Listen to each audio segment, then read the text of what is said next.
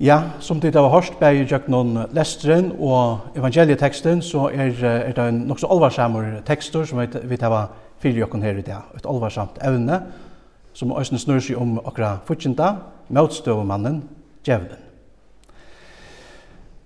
Bant etter Jesu døp og i Jordan ånne, ta Guds rødt av himmelig har sagt, hesen er sonur moin, var Jesus av andanon førtur ut i øyemørsna, som vi da lise, at vera frøstaur av djevlnon.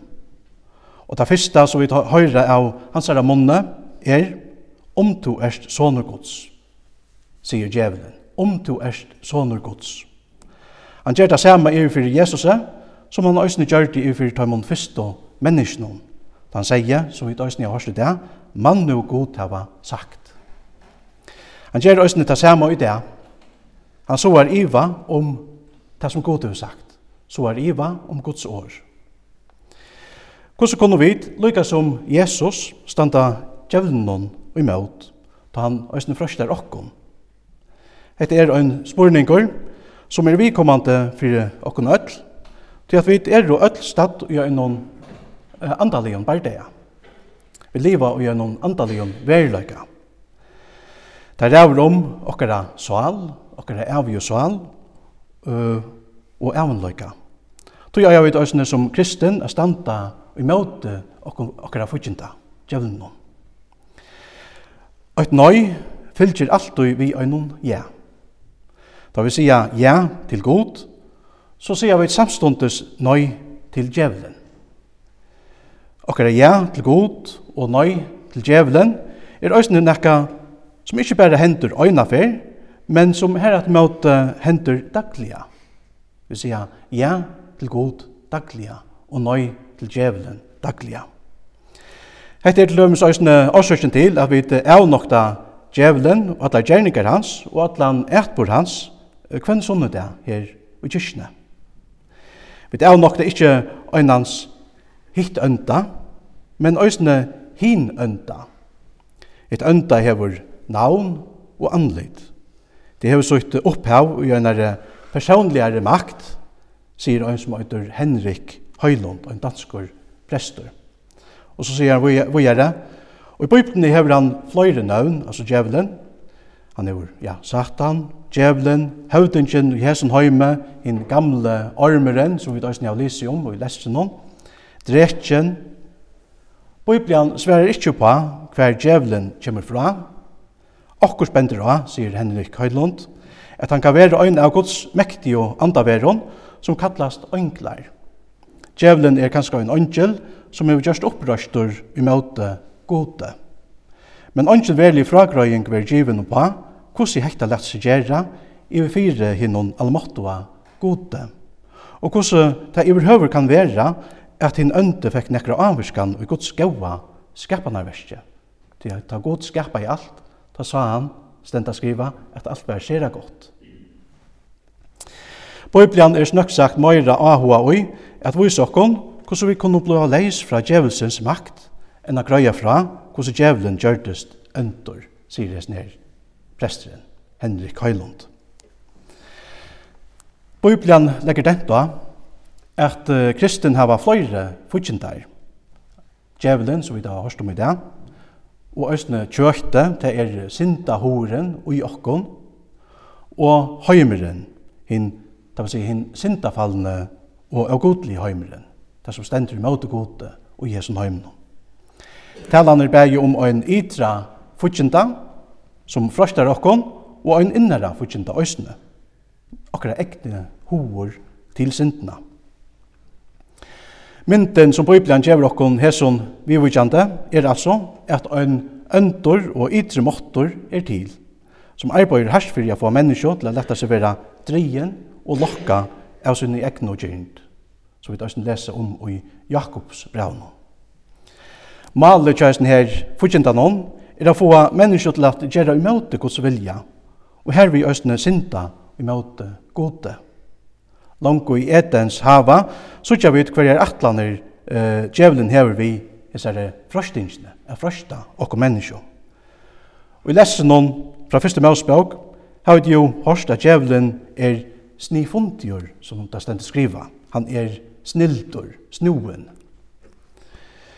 Vi tar at han lokkar Evo til å gjøre i møte tog som god har sagt. Han færte til at ivast om Guds år og sier mann og god hava sagt, og så videre. Og så gjerne røyner han at få Adam og Evo til at ete av just tog trenon som god hei avværa imot. Da han sier, så kjøtt som du etter av tog, skal du visslige dodja. Djevelen, han sier bønta motsatta. De skulle altså ikke dodja. Og hvis sier han så hekta? Jo, det gjør han, tog at han i grunden innskjer at de skulle dodja. Det er en årsøkjen til at apostelen Johannes sier om djevelen og i Johannes evangelion, kapitel 8, han var manndrappare fra opphavet og stender ikkje i sannløykanon, sannløyke er ikkje ui honom. Ta i han talar legn, talar han av sin egna, tog at han er lignare og feir at lignende, sier Johannes om djevelen. Jesu lysing av månen mittlen djevelen og, og han er òsne så statt ser det herskande. Her Jesus sier, Tjauren kommer ikke til anna enn å stjæla og drepa og øya, sier han. Og så sier han om seg sjalvan, jeg er kommet til tess at han skulle hava loiv og hava iveflå, store måneder. Hette er og stått om årsøkken til at djevelen vil hava at vi skulle synda i møte gode. Han isker okkara undergeng, kan man sia. og kjem tog for at stjala, drepa og øya. Okkara møtstøy med oss. Jesus isker her at møte i a frelse okkon, og kjem tog til okkon for at gjev okkon loiv og i iveflau, evet loiv. Som kristen er vi altså stad i øynene, som sagt, andalion bærdeia. Men hvordan kunne vi så i røynd og være og standa og i møte okkara fyrtjenta? God ønsker sjølvand ikke at vi, vi skulle standa vergeleis i fries nær uh, futjendalon ta han frøster okkon. Då gjør God øyne giv okkon inn i herkleie. Jeg atleie takka og svør vi kyrkju da og kjøltor, vi tar okkar røyma, men lett vera hese fyr. Men det kun kanskje umynda det kun svør, kjøltor, brinjo og så gjerne. Og i uh, Efsa Braunum 6, stenda nemlig om hese herklæðin til gode som god hever at djeva okko, menneskjon, okko som høyra Jesu til. Her sier han, Paulus, Annars ver sterkir i herranon og i veldesmått i hans herra. Lættet ikkun i öll herklæði gods, så at ikkun vera fyrir fyrir standa i mot sniloppon djevelsens. Det er bare i okkara er ikkje mot blåa og holde, men møte valden noen, møte raven noen, møte hamshøvdingen noen i hesson myskre, møte anta helion ildskaperins og himna rymdom. Færre tog i öll herkleie gods. Så at de kunne være fører for at vajta møtstøv og hin vonda degen, og standa vi, ta i alt er vunne. Så, så standa ta gyrdur og lendartikkara vi sannløyga, og klatter i brinjo rettlettesins, og skøtter om føtnar vi fusløyga til a boa gleibåskap friarens. Og her vi ötlun førun troarskjaldren av loftet, som til kunne være fører for jeg sløtje alle gløvande ørvar fra hinnom ytla mi. Og tætje kjolm, frelsenar og svør andans, som er gods år. Medan tid vi atlar i akatlan og bøn, bia, øyna og hverja tøy og i andanon, og er orvakner til tess, vi ötlun ahaldne og bøn fri ötlun hinnom heilau, sier Paulus. Som kristen er vi, som sagt, stadd i øynon andalion bardeia. Og grunnene er hetta en bardeia fyrir løyvenon.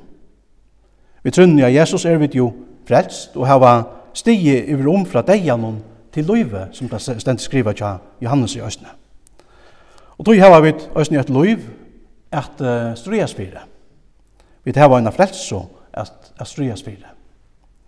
Styrkina til at her struja og jeg vet ikke i okkon sjolvun, men i herranon og i veldes måtte hans herra.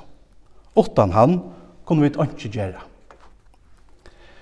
Okkara fortjente er sterskor, som vi da snea sundt om i dag, sera sterskor, og åttan Guds styrke og öll hans herra herkleie kunne vi ikke standa fortjente noen imot.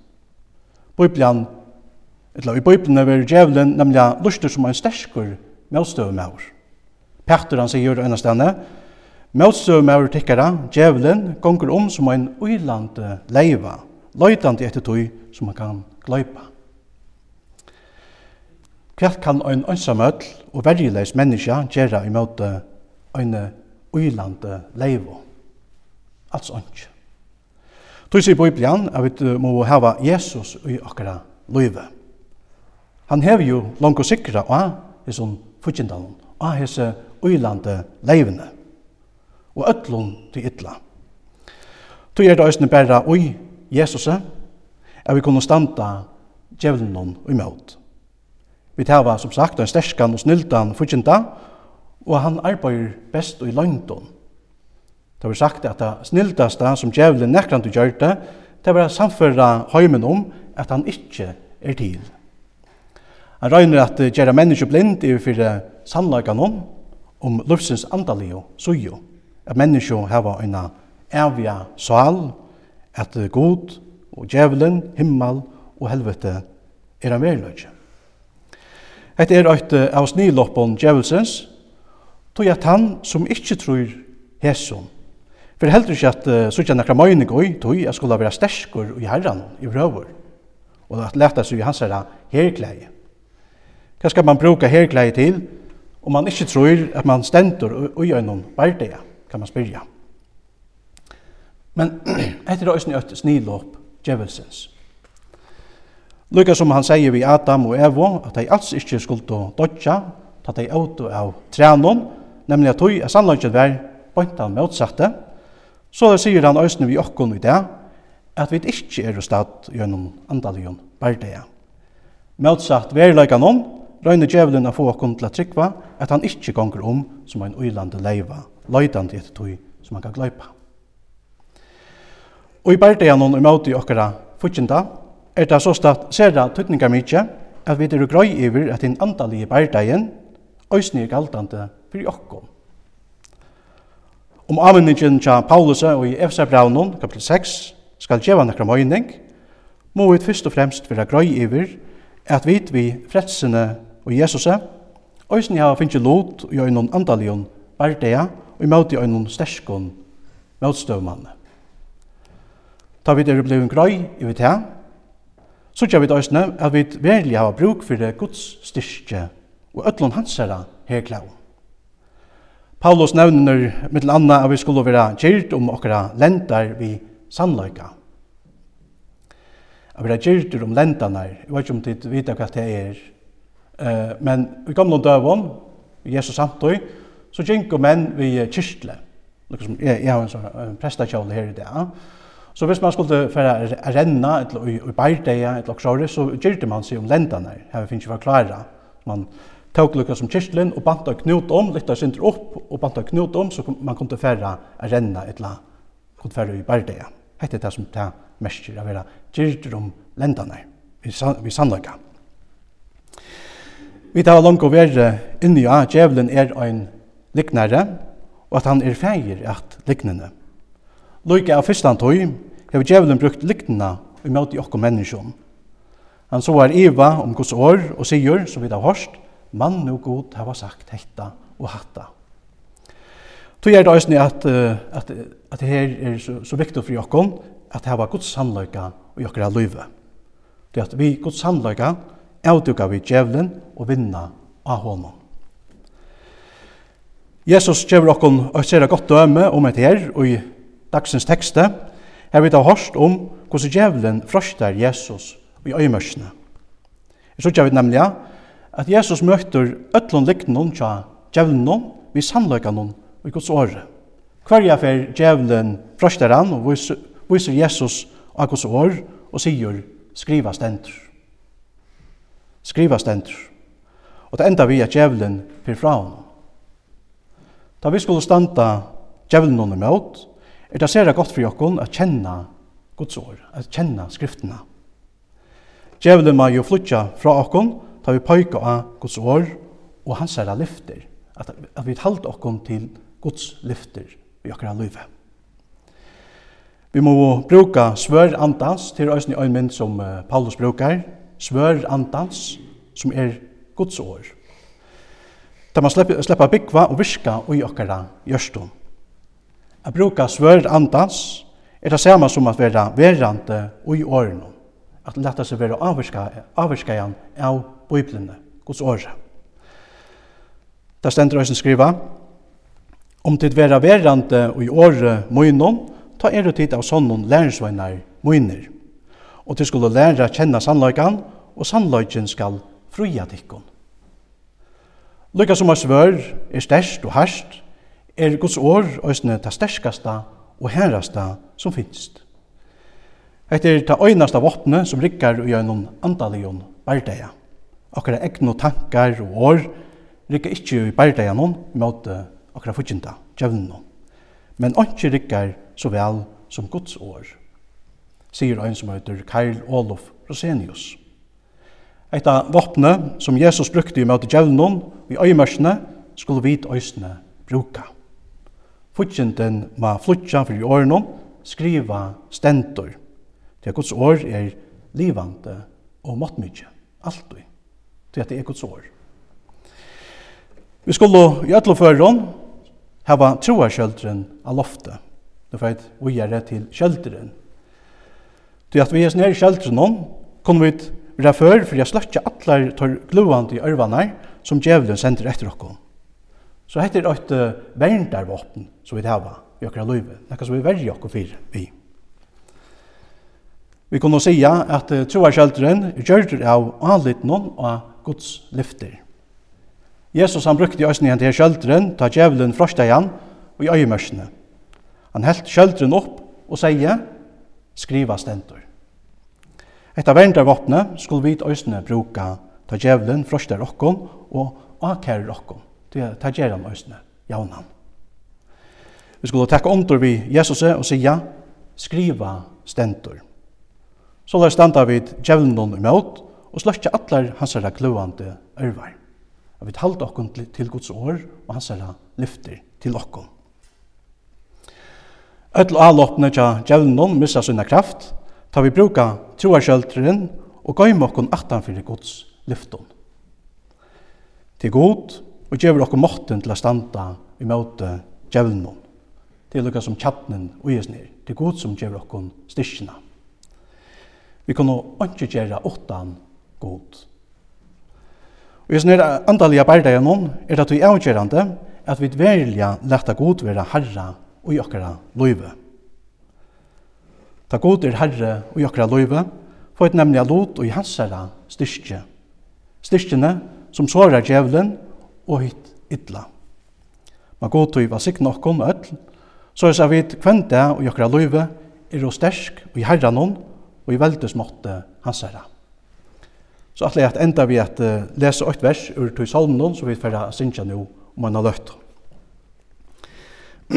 Her Mikjall er ikke Iskjer, Jant vi trondja til a bia, løy og frøstingar oss oi. Øynans god var kan oss stia, menga fer var fautur gløy. Mengur lokt og fene la, vildi røysa seg og fra, røynde måttsøyn, ønske batte, fyrr en håndgod hånden ratte.